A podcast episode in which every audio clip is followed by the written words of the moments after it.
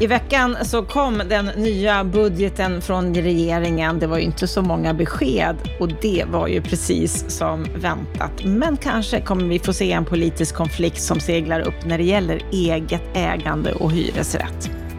Och sen har ju Roger Akelius varit ute i media, ett märkligt agerande från hans håll, för det verkar som att han vill snacka ner kursen för att köpa mer. Det tror vår expertkommentator som du får höra här om en liten stund i Bopolpoddens Veckans Aktuellt. Däremot så hyllar vår expertkommentator initiativet Bygg i tid.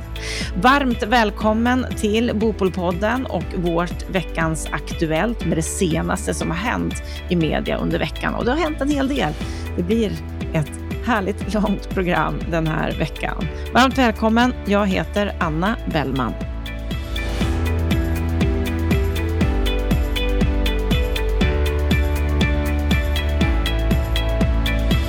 Vi börjar veckans Aktuellt med regeringens första budgetproposition som presenterades i tisdags, där Elisabeth Svantesson beskrev budgeten som stramt, svagt, åtstramande. Stefan Attefall, hur ser du, om man ska titta rent allmänt på den nya budgeten? Jag tycker att den är väl som förväntat om man försöker vara försiktig med exempelvis skattesänkningar och allt för mycket utgiftsökningar och inte spä på inflationen. Det är tydligen en viktig signal och tycker jag är klokt. Man sparar alltså att, inte infria massa vallöften i den här första budgeten. Eh, vi kommer ha en besvärlig 2023, både med konjunkturen och med inflationen och det försöker man parera på olika sätt. Det finns säkert många saker att diskutera men som sammantaget så tror jag nog att man man är lite försiktig och det tror jag är klokt. Sen slukar ju mycket resurser går ju till eh, försvaret och rättsväsendet. Det är ju det som är uppenbarligen de prioriterade områdena. Det har ju varit lite olika åsikter om hur klok den här budgeten är, men du menar att de gör rätt i att inte infria vallöften just nu?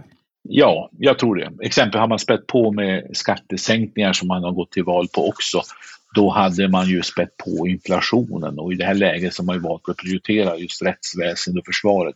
Men hade man gått fram med även sådana förslag, då hade det blivit en lite dragning åt eh, Truss, eh, du vet engelska premiär, brittiska premiär, premiärministern som spädde på ekonomin allt för mycket och skapade oreda. Det, det var man rädd för att hamna i det diket och det har man väl lyckats undvika. När det gäller just bostadspolitiken så förlängs ju bland annat tilläggsbidraget till barnfamiljer med bostadsbidrag och det ges stöd för energieffektivisering i småhus med direktverkande el. Hur ser du på de åtgärderna? Ja, det är väl bra. Det är ju uttaget fattigt på bostadspolitikens område. Det där är väl inga dåliga saker, men det är ju, det är ju idéfattigt. Men det var inte heller mer förväntat med tanke på att det inte fanns någonting mer varken än i Tidöavtalet och i, i eh, regeringsförklaringen. Eh, vi ser också att Boverket får en viss besparing som myndighet betraktat.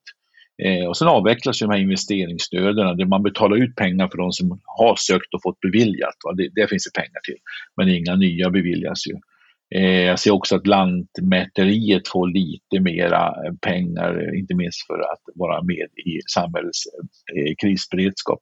Eh, det intressanta är kanske möjligtvis vad man skriver om den politiska inriktningen, ett ökat eget ägande av bostad, att man ska ta fram reformer för att möjliggöra för fler att äga sitt boende, reformer för att öka tillgången till byggbar mark, eh, regler för att bygga ska förenklas betydligt och eh, man ska ha helt enkelt reformer för att hjälpa till med att bygga mer, inte minst för grupper som har svårt att komma in på bostadsmarknaden. Men vad det blir, det vet vi ju inte. Hade du förväntat dig mer? Ja, en konkret sak som jag tycker med tanke på omständigheterna som jag beskrev, det hade varit att man hade skickat en positiv signal att man, man kommer att genomföra eh, startlåneförslaget. Eh, det kan ju gömmas bakom det här med att man ska ta fram reformer för att möjliggöra fler att äga sin bo sitt boende. Men uppenbarligen har man inte vågat eller har inte samlat ihop sig i regeringskonstellationen för att ge klartecken för att man kommer att gå fram med ett sådant förslag. Eh, det har man kunnat göra. Det är, ett, det är ett förslag som måste komma så långt i beredningsprocessen. Men eh, sen eh, måste man ju nu under det här året nu när man blir varm i kläderna bevisa att man har en tydlig agenda. Annars så blir det här en, en ny mandatperiod ungefär som de gångna mandatperioderna med några småsaker och annars så står det och stampar bara. Precis som du sa så har ju Andreas Karlsson, vår nya bostadsminister, gått ut och sagt att han vill se fler reformer som möjliggör för fler att äga sitt boende, att reformer för att öka tillgången till byggbar mark ska tas fram, att reglerna för att bygga ska förenklas betydligt. Tror du att eh, det här är reformer som kommer att bli verklighet? Ja, jag tror att man kommer att göra försök på det här området. Sen långt man kommer, det är återstår att se. Vi har exempelvis en sak som förra regeringen tog initiativ till, en utredning om eh, översyn av regelverket för eh, byggande, byggreglerna, som sedermera landade i ett uppdrag till Boverket att titta över hela BBR som det heter, Boverkets byggregler. Det arbetet går mot sitt slut och kommer att bli klart under mandatperioden. Och det är klart att det kan ju vara någonting som den här regeringen då försöker göra någonting av, att man, nu har vi gjort någonting. Va? Eh, och det kan vara positivt. Jag tror att det finns en del att hämta där. Men det gäller ju att också att man vågar vara lite kreativ och vågar driva ett antal processer. Jag kan ana också en konfliktlinje mot oppositionen. Vi kommer att få en konfliktlinje kring investeringsbidraget. Den, det är en klassisk. Alltså. Den här typen av partier vill inte ha investeringsbidrag till hyresrätter och Socialdemokrater vill ha det. Men att också bli en konflikt kring det här med eget ägt boende och framförallt småhus kontra att bygga flerfamiljshus och särskilt hyresrätter. Det tror jag kommer bli en konfliktlinje, både i många kommuner men också i, eh, på den nationella nivån. Och det är kanske en konfliktlinje som både Socialdemokraterna och inte minst då Kristdemokraterna som sitter i regeringsställning nu och ansvarar för frågorna kanske till och med önskar för att få en tydlig polarisering i frågan. Det är ju så politiken fungerar. Man vill ha sina strider för att visa på skiljelinjer och det kan vara ett sånt där område där det kanske kan upp, ja, bli en viss strid och en viss konfliktyta. Och när det gäller just det här med investeringsstödet så, precis som du säger, vi visste ju att det skulle inte komma några fler ansökningar eller att stödet skulle avvecklas. Men hur väntat var det att beskedet inte, alltså att, att inte bevilja mer stöd nu från årsskiftet? Nej, men det är väl ganska förväntat. Jag tror att det, det var, det var så, ja det, det betraktar jag som en självklarhet utifrån hur retoriken har varit. Och kritiken finns ju mot investeringsstödet att det inte är särskilt effektivt, mycket, mycket ska säga, pang för lite effekt. Eh, och å andra sidan tycker ju då eh, eh Socialdemokraterna att det är de mest eh, verkningsfulla instrumenten. Och det är klart att vissa, på vissa projekt och vissa orter i Sverige, där spelar investeringsstödet en viktig roll och på, i andra sammanhang spelar det en mindre roll. Eh, så att det finns eh, både privata och kommunala bostadsföretag som som, som vill ha investeringsstöd, särskilt kanske i en tid när man går mot lägre byggande. Men det finns också en principiell motvilja i byggbranschen mot den här typen av stöd. Så det, det, det splittrar tror jag också branschen lite grann, den här frågan. Mm. Vi lämnar budgeten och går vidare till Handelsbankens fastighetsrapport. De berättar där att bostadsbyggandet går ner 40 procent och de säger att det är stiltje på fastighetsmarknaden med låga transaktionsvolymer både på privata och kommersiella fastigheter. Och Handelsbankens prognos i den här nya fastighetsrapporten är att bostadsbyggandet minskar med ungefär 40 procent jämfört med 2021. Hur rätt har de i det mm. här tror du? Ja, alltså det intressanta med den här rapporten är att de bekräftar Veidekkes marknadsrapport, byggföretagen. Eh, det är samma tendens, kraftig ned, eh, alltså inbromsning av nyproduktion av bostäder, en kraftig nedgång i byggandet jämfört med 2021 när det ångar på ganska bra. Så att eh, det är snarare det som är intressant, att de bekräftar det som många andra säger. Och det här tror jag kommer att bli ett av regeringens stora huvudverk under kommande år. Dels därför att det påverkar hela svensk ekonomi, men också därför att det förstärker ju bostadsbrist, det förstärker problemet. Och det kommer att vara ett tryck då. Vad gör regeringen då för att eh, få upp bostadsbyggandet? Och här blir då en utmaning för den nya bostadsministern att eh, möta den debatten och samtidigt, kunna, samtidigt avvisar man då investeringsbidrag som ett instrument och samtidigt ska man då möta den här debatten när, när bostadsbyggandet sjunker ganska dramatiskt. Eh, vi ser det under hösten här att eh, nya projekt dras igång i mycket, mycket liten omfattning och det får ju fullt genomslag under 2023. Det är en utmaning för den nya bostadsministern. Ja, det är en, det är en ganska besvärlig tid eh, uttaget för hela regeringen men också för, för just bostadsministern. Eh, så att eh, det, här blir, det här blir spännande att följa hur man eh, kan möta den här äh, utvecklingen både med kortsiktiga åtgärder som främjar byggande och håller uppe volymerna men också långsiktiga utmaningar. Exempelvis att få in fler, de som har svårt att komma in på bostadsmarknaden ska kunna komma in på bostadsmarknaden på olika sätt. Vi ska gå vidare till ett helt annat ämne. En snackis i fastighetssektorn den här senaste veckan, det var att Roger Akelius gjorde ett utspel i Göteborgs-Posten. Han köpte nyligen en stor post i Castellum, han är där största ägare nu. Han är starkt kritisk till att Castellums vd Rotger Arnhult i tredje kvartalet-presentationen sa att bolaget har en betryggande finansiering. Och då säger Akelius så här i media, att lura samtliga aktieägare att de har en betryggande finansiering är en sån fruktansvärd bluff. Och då har det spekulerats i att Akelius, som ju har väldigt mycket likvida medel efter storförsäljningen till Heimstaden, helt enkelt vill snacka ner kursen för att köpa mer. Vad tror du, Stefan? Varför väljer han att säga så här i media? Ja, alltså det är ju nära till hands att tro att han faktiskt eh, agerar så. Därför att det är ett mycket märkligt agerande. En stor ägare som sågar sin VD jäms med, med, med fotknölarna och säger att lura samtliga aktieägare att de har en betryggande finansiering. En sån fruktansvärd bluff. Alltså smaka på de orden. Det är ju ett underkännande av den VD som man är, i det bolag som man är storägare i.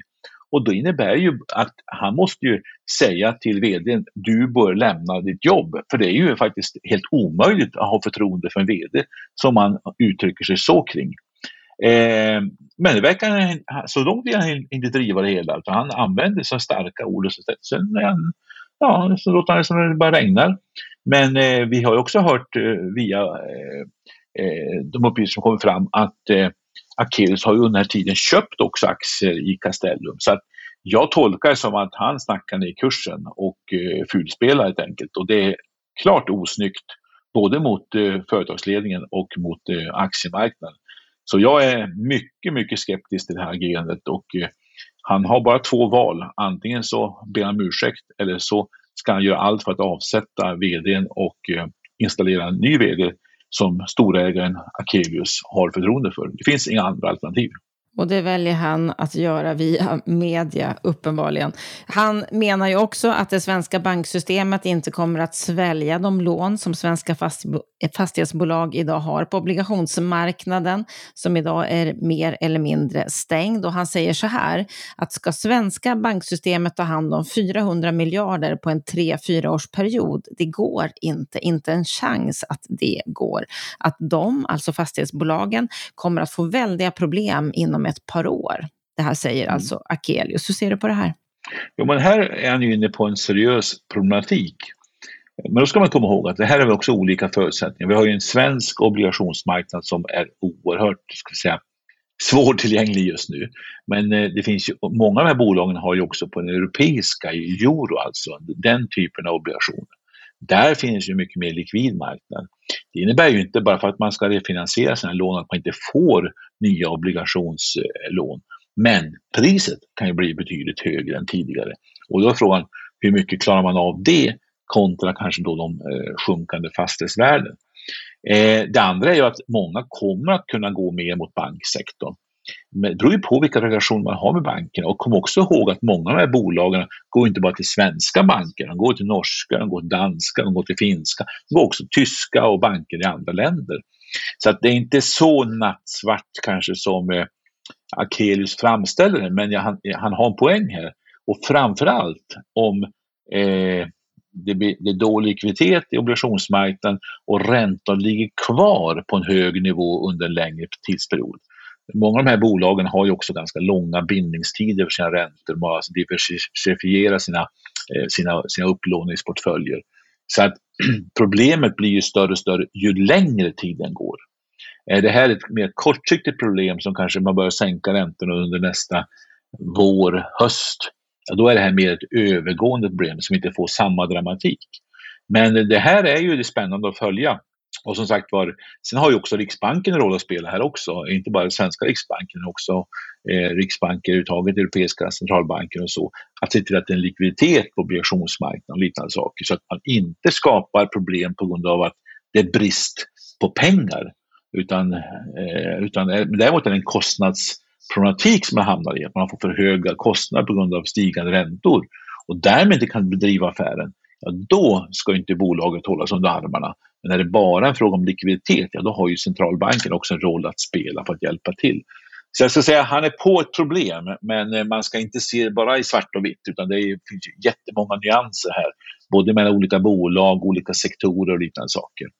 Mm, vi eh, ska gå vidare här i veckans Aktuellt och ta upp en ny aktör, Bodil, som ju då bland annat har Einar Mattsson i ryggen. De lanserar en ny modell av hyrköp för småhus. Och tanken den är att man ska kunna köpa ett hus även om man inte har de här 15 procenten som behövs för en kontantinsats. Bodil, de är med köparen i processen. De köper sen huset.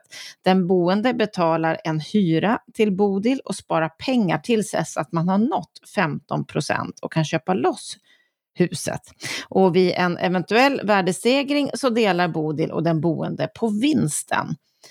Det har ju lanserats ett par olika typer av hyrköp tidigare. Hur ser du på den här idén, Stefan?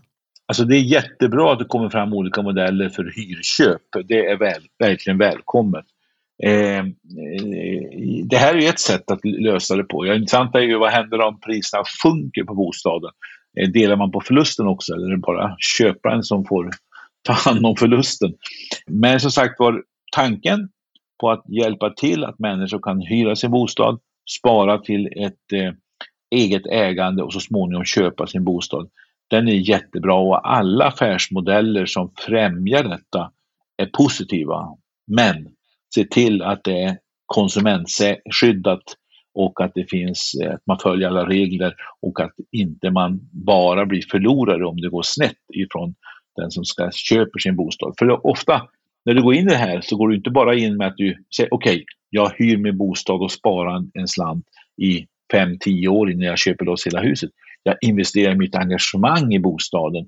Kanske jag bygger om lite grann och fixar om och renoverar om det här inte funkar då och jag blir av med bostaden, vad händer då? Så att det gäller verkligen att veta vad man gör och att man har trygghet i affären också från konsumentens sida. Mm. Är det någonting som många behöver just nu så är det trygghet. Det är många som håller hårt i plånboken. Vi ska gå vidare till ett annat initiativ, initiativet Bygg i tid som JM, Skanska, K Fastigheter, Riksbyggen och Aros Bostad står bakom. De har nu kommit med 16 förslag till reformer för att förkorta tiden från idé till färdig byggnad. Och bland annat så skriver de att bostadsbyggande behöver betraktas som ett angeläget samhällsintresse och därför ges en större tyngd i avvägningar mot andra samhällsintressen som exempelvis strandskydd, riksintresse och artskydd. Hur ser du på de här 16 förslagen till reformer som de har lanserat? Det här tycker jag är ett jättebra initiativ. Jag verkligen älskar den här typen av nördiga detaljgenomgångar av olika regelverk och konkreta förslag på att försöka förändra dem också. De här 16 förslagen, det är inte de här mest ska säga, storslagna, sexiga politiska eh, kraven, men det är oerhört viktiga saker. Hur man exempelvis ser över lagregler om exploateringsavtal och det är just nu sker pröva dispens från artskydd och avvägningsmöjligheter kring nyttan av bostadsbyggande från till riksintressen och hur fastighetsbildningen ska, ska fungera bättre och hur Lantmäteriet ska ses över av olika, olika vad du, arbetsformer och liknande saker. Och instruktioner för, för länsstyrelserna och, och massa sådana här praktiska, också i arbetsformer. Alltså jag tycker att jag älskar den här typen av förslag. Det är det här som en bostadsminister ska ta tag i och bara leverera. Man blir inte, ska säga, hyllad för varje enskilt lagförslag. Men många av förslagen är sånt som i praktiken löser upp eller ska säga, förebygger problem eller löser problem och gör det enklare och snabbare och billigare att bygga bostäder. Så att eh, Byggetid är en av de bästa initiativen vill jag säga som eh, Nancy Mattsson och Skanska, JM eh, och med flera aktörer har varit med och och tagit fram. Så att jag tycker det är jättebra. Riksbyggen, Skanska, eh, JM, Aros Bostad och K-fastigheter som står bakom Byggetid. Eh, grattis till det konstruktiva, konkreta utspel. En, en, eh, en bra handbok för en ny bostadsminister att eh, bara börja beta av eh, punkt efter punkt efter. Så du menar alltså att om Andreas Karlsson bara kör på deras förslag, då lyckas han som bostadsminister? Eh, inte politiskt eh, opinionsmässigt, men i praktiken så gör han skillnad på riktigt. Sen finns det i varje sån enskilt förslag behov av utredningar och liknande saker som gör att det inte är så enkelt i praktiken. Men eh, det finns många viktiga bra saker här som är viktigt att jobba med för att undanröja hinder. Vi har alltså under 40-50 år i Sverige ökat krångelmassan, ökat ska säga, problematiken, svårigheterna och drivit kostnader för att bygga bostäder. Det här är en, en, en bra katalog över åtgärder som skulle kunna minska de kostnaderna, minska de hindren. Och, och sådana, eh, ja, jag älskar att, att man gräver ner sig i sånt. Jag tycker det är härligt, härligt men det är inte det som eh, kanske ryms på eh, valaffischer i valrörelsen. Men det är viktiga det saker. Märks, det märks att du går, att du går igång. Ja. Vi får ett långt Veckans Aktuellt den här veckan och vi har faktiskt en grej kvar. Vi ska också ta upp Konsumentverkets schabloner över levnadskostnaderna som ändras varje år. Och om någon vecka så kommer de här att ändras igen. Och med tanke på inflationen och de stora kostnadsökningarna som vi ser just nu så kommer schablonerna att skrivas upp rejält i år. Och de här schablon, schablonerna de används av bankerna när de undersöker låntagares kreditvärdighet. Det betyder alltså att det blir ännu svårare nu att få bolån. Och Sharon Lavi som är sparekonom på Schibsteds-koncernen, hon säger så här till DN att det är många tusen lappar som behövs för att man ska ha råd att betala och det gör en väldigt stor skillnad i möjligheten att låna framöver. Vad leder det här till tror du, Stefan? Ja, men det är som du säger, det här kommer att göra det ännu, tröskeln höjs ytterligare för att få lån i bank. Jag tror att problemet ligger inte på Konsumentverkets schabloner som ju måste skruvas upp när också exempelvis kostnaderna stiger och så. Men det ligger kanske på att de här kalkylräntorna är lite väl höga inledningsvis. Om bankerna är lite flexibla och har dem som mer som riktmärken och sen så hittar de bra avvägningar med enskilda fallen, då betyder det inte så dramatiskt mycket. Men om man är rigid och har höga kalkylräntor i botten och så lägger man på de här höjda ska säga, schabloner för vad, vad, man, vad, vad det kostar att leva, ja, då höjer man ju trösklarna ytterligare för människor och gör det ännu svårare att äga sin bostad och eh, långt över, alltså ta höjd för kostnader som ligger långt över varje realistisk prognos över hur räntor kan bli i framtiden. Eh, så att eh, det är kalkylräntan tycker jag som ligger lite väl högt, inte att man kanske tillämpar schabloner som följer verkligheten. Kommer vi se ännu mer fallande bostadspriser? Blir det svårare för nyproduktion i och med det här? Ja, det här på, påverkar också ytterligare en pusselbit som påverkar negativt för nyproduktion, framförallt då av, av bostadsrätter eh, och småhus.